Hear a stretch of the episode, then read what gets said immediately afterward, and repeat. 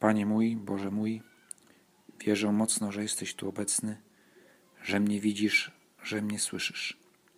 Uwielbiam Cię z najgłębszą czcią. Proszę Ciebie o przebaczenie moich grzechów i łaskę owocnego przeżycia tego czasu modlitwy. Matko moja niepokalana, święty Józefie, Ojcze i Panie mój, Aniele stróżu mój, wstawcie się za mną.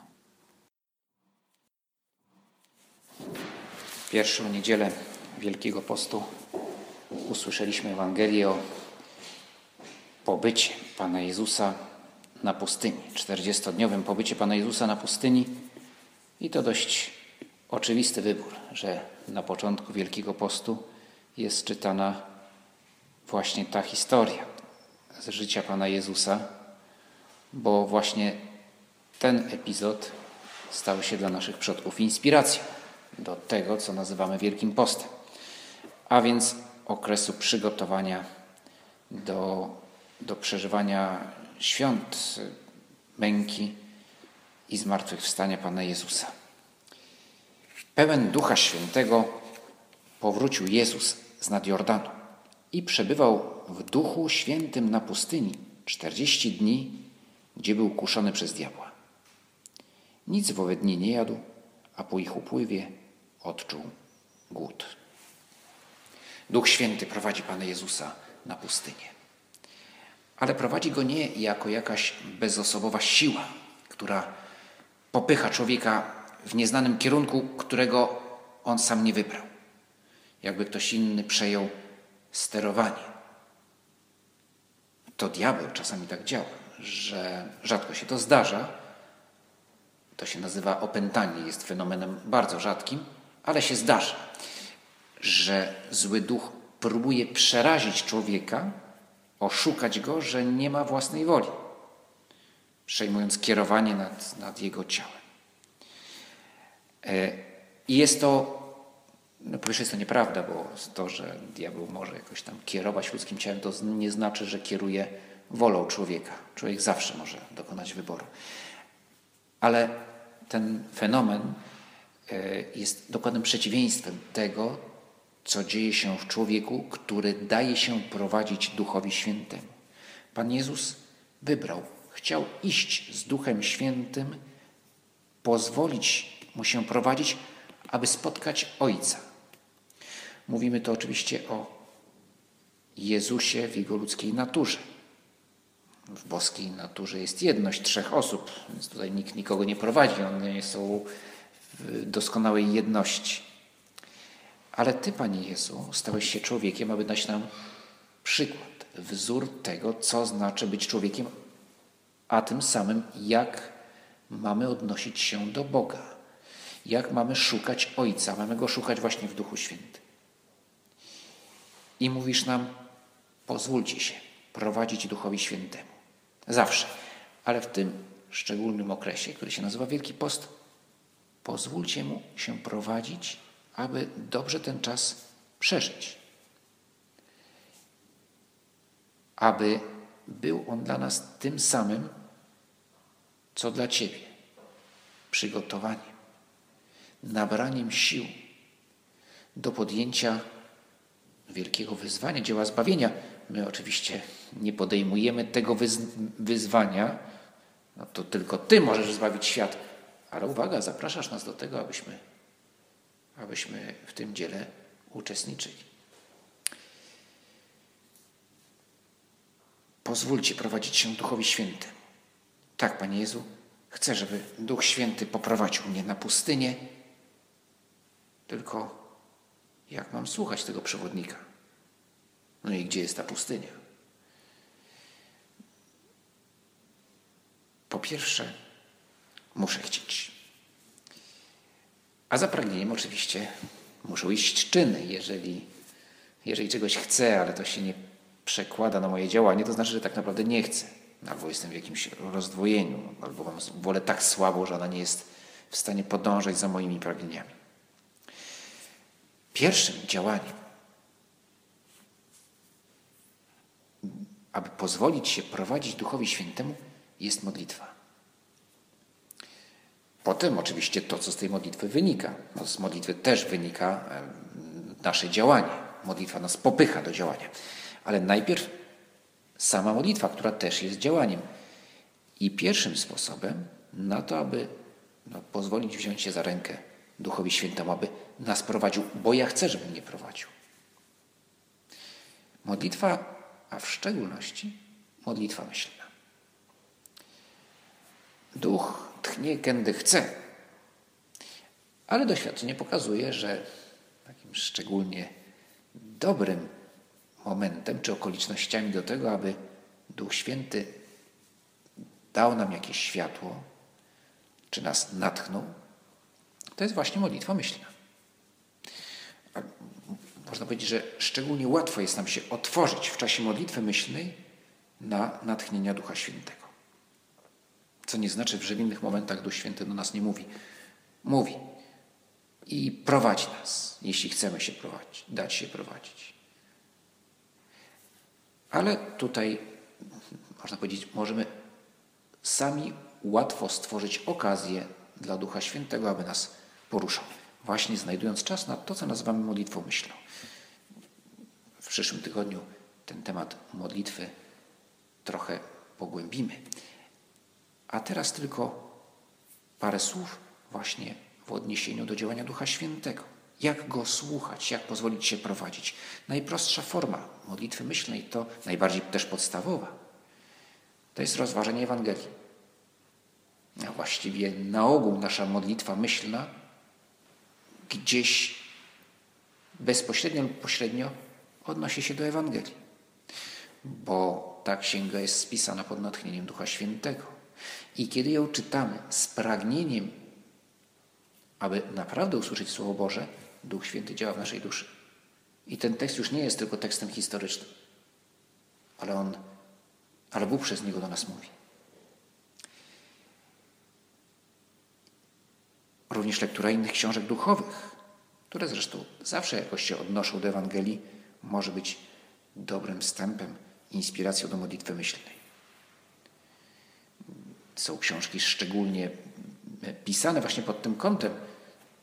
Książki świętego Josmaryi, które w duchowości Opus Dei są oczywiście tak ważnym źródłem mm, życia duchowego czy modlitwy. No, to są książki napisane pod kątem właśnie modlitwy myślnej. Czy droga krzyżowa. Zresztą w ogóle droga krzyżowa też, e, niezależnie od tego, że jest to piękne nabożeństwo e, pokutne, które można odprawiać wspólnie, można odprawiać indywidualnie, jest, szczególnie jeżeli odprawiamy ją indywidualnie, jest rodzajem modlitwy myślnej. Bo co tam robimy? No, rozważamy mękę Pana Jezusa, czyli, czyli chcemy usłyszeć, co do nas Ty, Boże, mówisz, poprzez to, co dla nas uczyniłeś.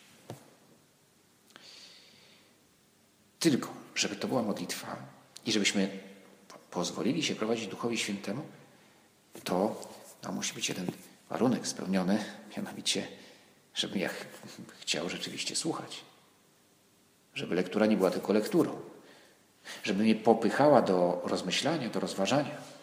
Może być, że przeczytam krótki fragment, a potem już nie muszę czytać nic więcej, bo, bo reszty słucham poprzez moje rozmyślanie.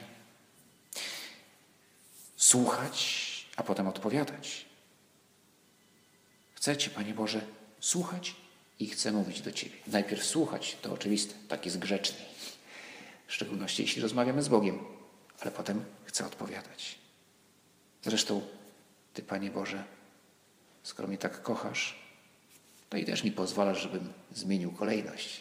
Najpierw pozwalasz mi się wygadać, a kiedy gadam, to, ale równocześnie chcę Ciebie słuchać, to usłyszę.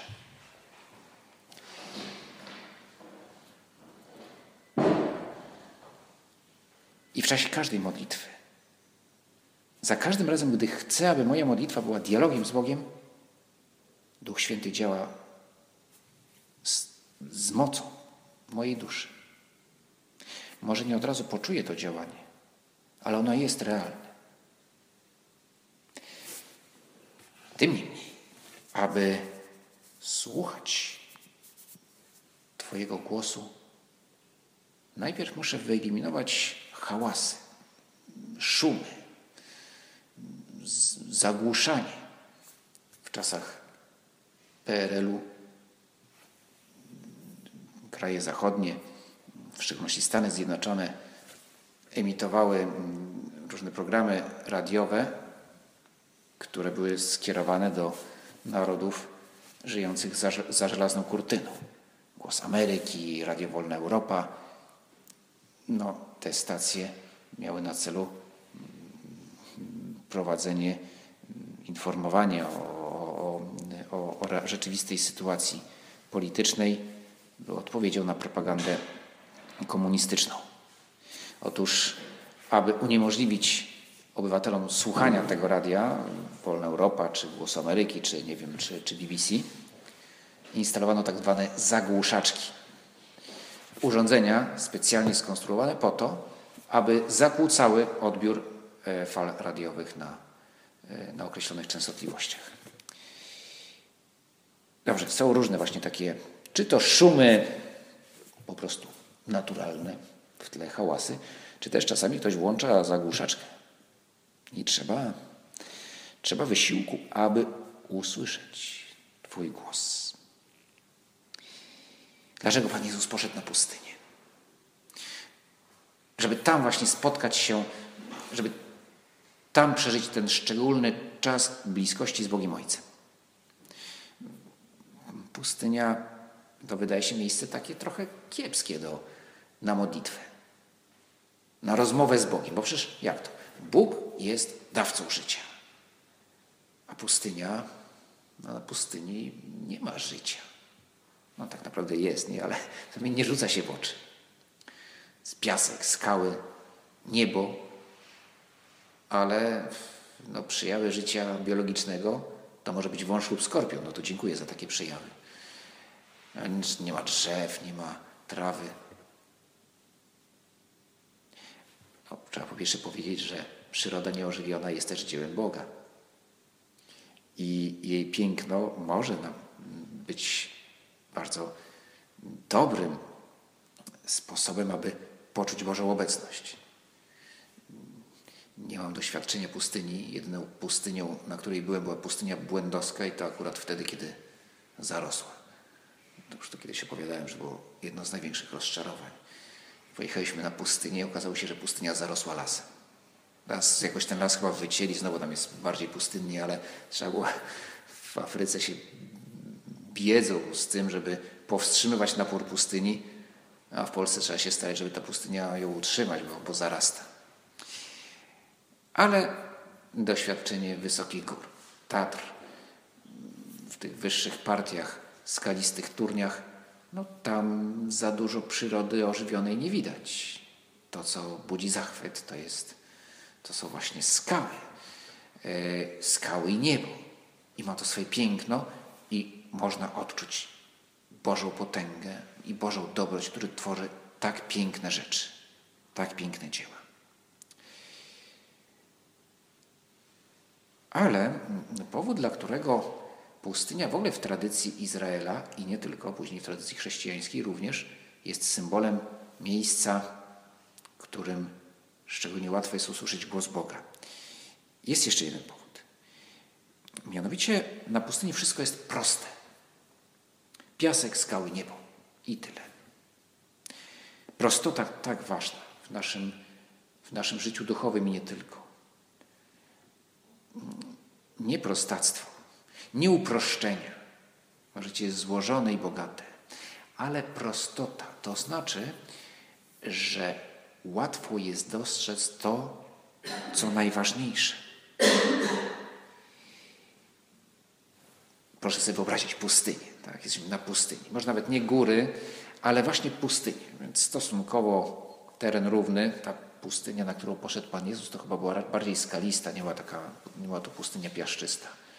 Ale wyobraźmy sobie taką pustynię, no właśnie jak ze zdjęć reklamowych tam w czasów w Egipcie. I nie ma nic, tylko piasek, wydmy. I nagle na tej pustyni coś się pojawia, natychmiast zwraca naszą uwagę. Skupiamy się na tym jednym, na tym jednym czymś, nie wiem, na tym jakiś wielbłąd, beduin tam jedzie, od razu się patrzymy na tego beduina. Albo jedna palma, prawda? No to, no to wszystko, wzrok skupia się na tej jednej palmie. E, właśnie to, ta prostota pustyni ułatwiała tym, którzy na nią szli, aby się modlić, zarówno w tradycji Izraela, jak i później, szczególnie w pierwszych wiekach chrześcijaństwa, właśnie ta prostota ułatwiała spotkanie, skupienie się na tym, co najważniejsze i na tym, co niewidzialne, na tym, który jest niewidzialny na Bogu.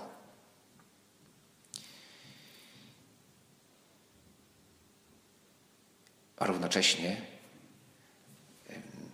tym opisie pobytu Pana Jezusa na pustyni wiemy, że właśnie tam szczególnie mocno można było doświadczyć, Pan Jezus doświadcza obecności złego ducha. Dlaczego?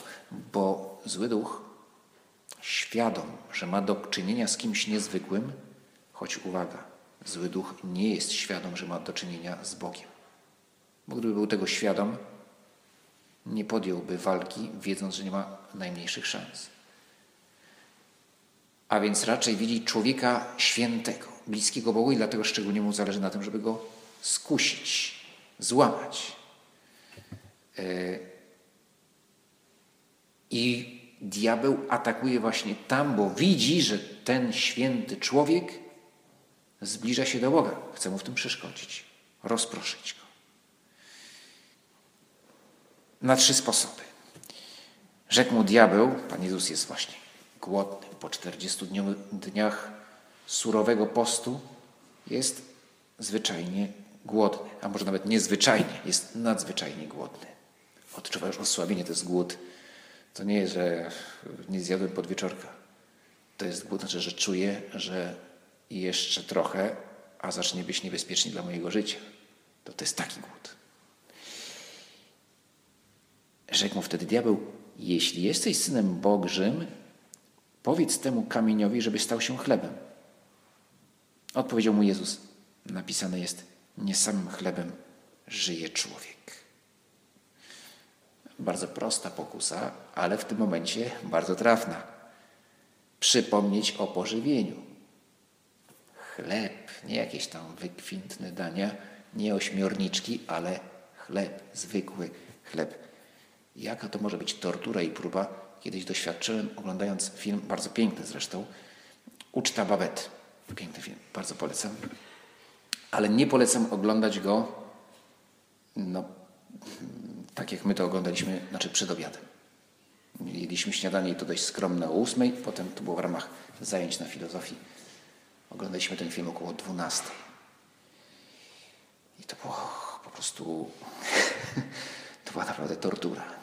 Ale potem jak smakował obiad, to jest inna sprawa, ale, e, ale naprawdę to było wielkie wyzwanie. No więc diabeł właśnie kusi, starając się wykorzystać no, ludzkie uczucia Pana Jezusa, który jest człowiekiem, prawdziwym człowiekiem. Później roztacza miraże władz, wizję królestw świata. Wprowadził go na, w górę, pokazał mu w jednej chwili wszystkie królestwa świata i rzekł diabeł do niego: Tobie dam potęgę i wspaniałość tego wszystkiego, bo mnie są poddane i mogę je odstąpić komu chcę. Jeśli więc upadniesz i oddasz mi pokłon, wszystko będzie Twoje. Lecz Jezus mu odrzekł. Napisane jest, Panu Bogu swemu będziesz oddawał pokłon i Jemu samemu służyć będziesz. Miraże władzy. Może dzisiaj nie pokazywałby tej wizji, tylko by powiedział, na tej pustyni są pola naftowe. Będą Twoje. Jeszcze dam Ci kredyt na zbudowanie szybów. Albo też takie miraże może roztaczać albo roztacza. Ktoś, kto spędza całe dnie i noce na budowaniu imperiów e, legendarnych, jakichś tam królestw e, i to nawet wykraczających poza, już nie tylko poza Ziemię, ale w ogóle poza galaktykę, grając przeróżne gry komputerowe, strategiczne, których właśnie ktoś się może czuć Bogiem, demiurgiem, tym, który tworzy, już nie tylko kieruje jakimiś armiami, ale w ogóle kieruje całym światem. ale tylko w sferze wirtualnej.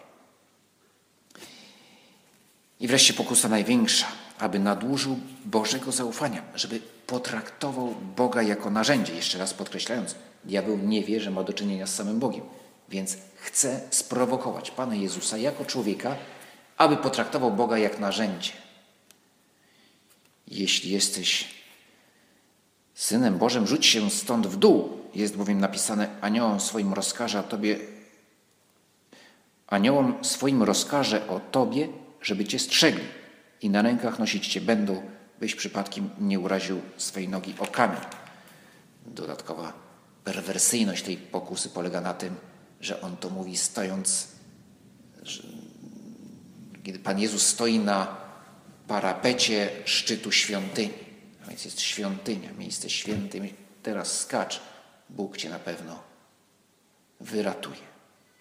Sprawdź, czy ten Bóg jest wart Ciebie. Sprawdź, czy Cię uratuje. Pokieruj nim, pokieruj samym Bogiem. Te pokusy wykorzystują naturalne, wręcz dobre potrzeby i pragnienia człowieka, bo zaspokojenie instynktów zmysłowych nie jest niczym, samo w sobie niczym złym.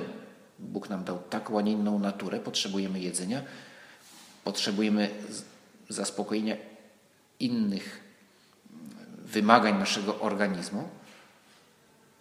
I jest rzeczą dobrą, że szukamy właśnie tego zaspokojenia. Władza to nie jest coś złego samo w sobie. Mało tego, władza może być piękną służbą. Może być działaniem niezwykle szlachetnym, dobrym i prowadzącym do Boga. Właśnie wtedy, kiedy ktoś, kto sprawuje władzę, traktuje to jako misję, aby służyć drugiemu człowiekowi. Wreszcie zaufanie wobec Boga. No, to jest postawa właściwa dziecku Bożemu. Ale właśnie zaufania wobec Boga, a nie wykorzystywania Boga.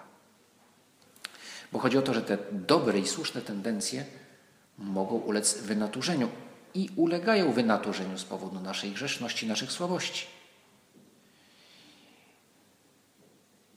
I wymagają one panowania. A do tego potrzebny jest post. Pan Jezus jest doskonałym człowiekiem.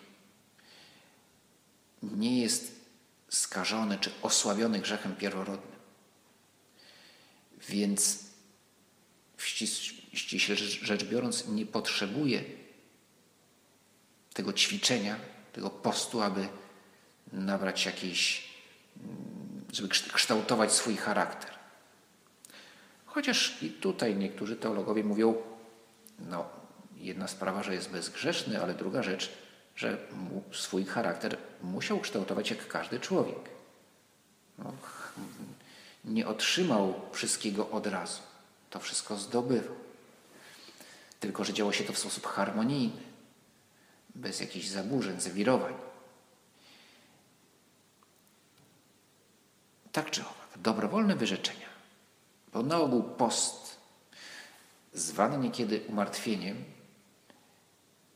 to na ogół są dobrowolne wyrzeczenia, które czynimy z miłości do Boga.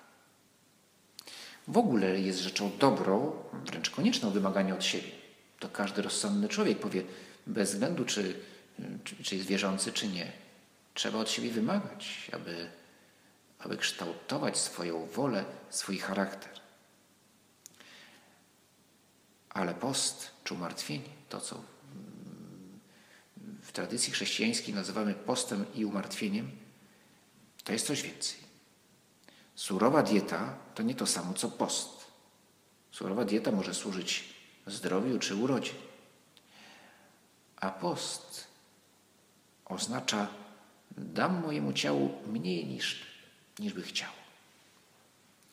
Bo chcę, aby moja wola była silniejsza. I znowu, jeśli się zatrzymamy tutaj, to możemy wpaść w jakąś postawę niczeańską.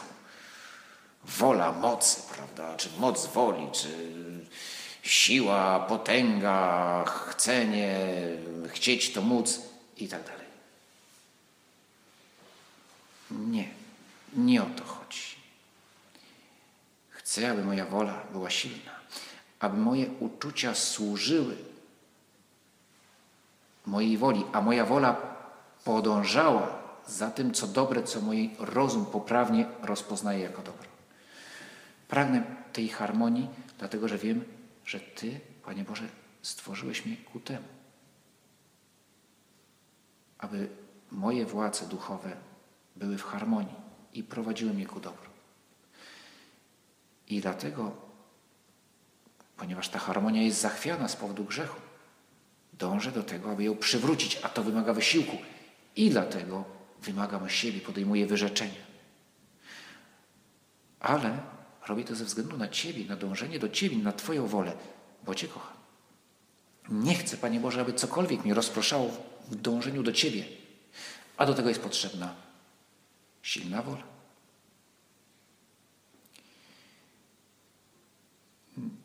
W wielu językach słowo rozrywka jest wyprowadzone z łaciny.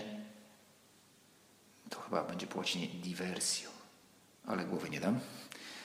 E, po hiszpańsku jest diversion, a po francusku diversement. Od razu mówię, że nie znam francuskiego. To słowo usłyszałem na, na e, jednym kazaniu. Otóż e, Pascal, wybitny filozof XVII-wieczny, w swoich rozważaniach mówił właśnie o tym diversement, rozrywce, jako o czymś, co rozprasza. Nie był przeciwnikiem rozrywek. Był, był filozofem katolickim. No to, to nie mógł być przeciw, przeciwny rozrywkom. Ale mm, przynajmniej taka jest opinia w Stanach Zjednoczonych, że katolicy, no, no nie, nie, to niechęć do rozrywek to nie jest w ich, w ich duchowości. Ale, ale chodziło mu o to, że, że chodziło mu o rozproszenie. Że właśnie diabeł nas rozprasza. Diversement. Rozprasza naszą uwagę.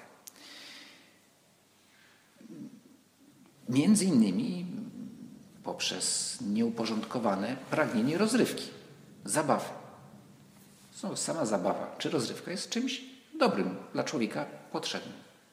Ale w momencie, kiedy nie panuje nad tym, to, to staje się przeszkodą w moim dążeniu do Boga. Ciekawe, że w języku polskim z tego łacińskiego słowa, które oznacza rozproszenie czy rozrywka, w języku polskim jest słowo dywersja. A dywersja oznacza atak, aby rozproszyć e, uwagę nieprzyjaciela. Nie zaatakować go frontalnie, tylko od tyłu, na, ty, na jego tyłach, aby go rozproszyć. I można powiedzieć, że diabeł to jest właśnie taki dywersant, którego trzeba ścigać. Bo, a co najmniej nie pozwolić mu zbliżyć się do miejsc dla nas ważnych, a więc do mojego serca. Chcę umacniać moją wolę, by kochać, abym mógł łatwiej się modlić, ale też abym umiał usuwać przeszkody między mną a, a bliźnimi. I tutaj może sugestia jednego umartwienia, jednego rodzaju umartwienia, tego, co odnosi się do właśnie do rozrywek, a w szczególności do tych związanych z urządzeniami elektronicznymi. Zresztą nie tylko rozrywek. W ogóle urządzenia, urządzenia elektro, elektroniczne to się zbiorcza nazwa na różnego rodzaju media, czy to będzie telefon komórkowy, czy to będzie tablet, czy to będzie komputer, czy, czy jeszcze jakieś tam jeszcze inne sposoby komunikowania, przekazywania informacji audiowizualnej człowiek wymyśli. Otóż chodzi o to, żeby że te że te urządzenia same w sobie dobre i, i, i przydatne, ale mogą nas bardzo rozpraszać. Rozpraszać to znaczy już na poziomie nie, niezdolności do skupienia, na przykład do skupienia na modlitwie albo na rozmowie z drugim człowiekiem. Więc już nie mówiąc o czasie, który pożerają. Jedna rzecz to jest czas na pracę, którą bardzo często wykonujemy właśnie z użyciem tych urządzeń, a druga rzecz to jest, to są właśnie działania, które często nawet nie są rozrywką, są nie wiadomo czym. Siedzę, gapię się, jestem coraz bardziej zmęczony, coraz bardziej zły, jest już godzina pierwsza w nocy, a ja cały czas przeglądam kolejne, kolejne strony, już sam, sam nie wiem po co. Nawet z tego przyjemności nie mam. Tylko nie mogę się oderwać od kolejnych linków.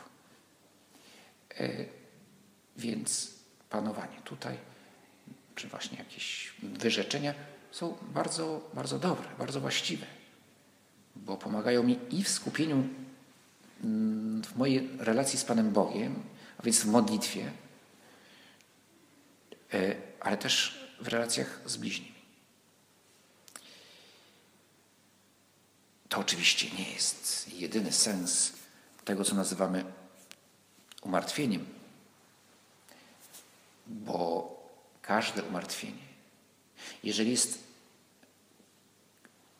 powodowane miłością, staje się ofiarą, staje się sposobem, abym połączył się z ofiarą Pana Jezusa na krzyżu. I o tym też przypomina nam Wielki Post, że każde nasze wyrzeczenie może stać się naszym udziałem w ofierze Pana Jezusa, naszym skromnym, maleńkim i niekoniecznym udziałem. Ale Pan Jezus pozwala, abym był z Nim raz. I ja tego chcę. Duch poprowadził Pana Jezusa na pustynię, by Go umocnić. Choć post osłabia siły fizyczne, to daje siłę duchową. Te dni dały Panu Jezusowi siłę do podjęcia Jego misji, bo były spotkaniem z Ojcem. Oby też te dni Wielkiego Postu dały nam siłę. Dały nam siłę na cały rok. Oczywiście mm, w ciągu roku, już w czasie Wielkanocy i później też potrzebujemy i modlitwy, i postu. To nie jest, że, że tego nie potrzebujemy, ale to jest czas szczególny, kiedy można powiedzieć, się tego uczymy y, kiedy szczególnie Duch Święty nam pomaga w praktykowaniu modlitwy, w praktykowaniu wyrzeczeń, umartwień. Wykorzystajmy to, abyśmy nabrali sił, abyśmy nabierali nieustannie sił, aby iść za Tobą. Panie Boże, iść do Ciebie, a na tej drodze zawsze towarzyszy nam Maria. Dzięki Ci składam, Boże mój, za te dobre postanowienia, uczucie i natchnienia, którymi mnie obdarzyłeś podczas tych rozważań. Proszę Cię o pomoc w ich urzeczywistnieniu. Matko moja niepokalana, święty Józefie, Ojcze i Panie mój, Aniele stróżu mój, wstawcie się za mną.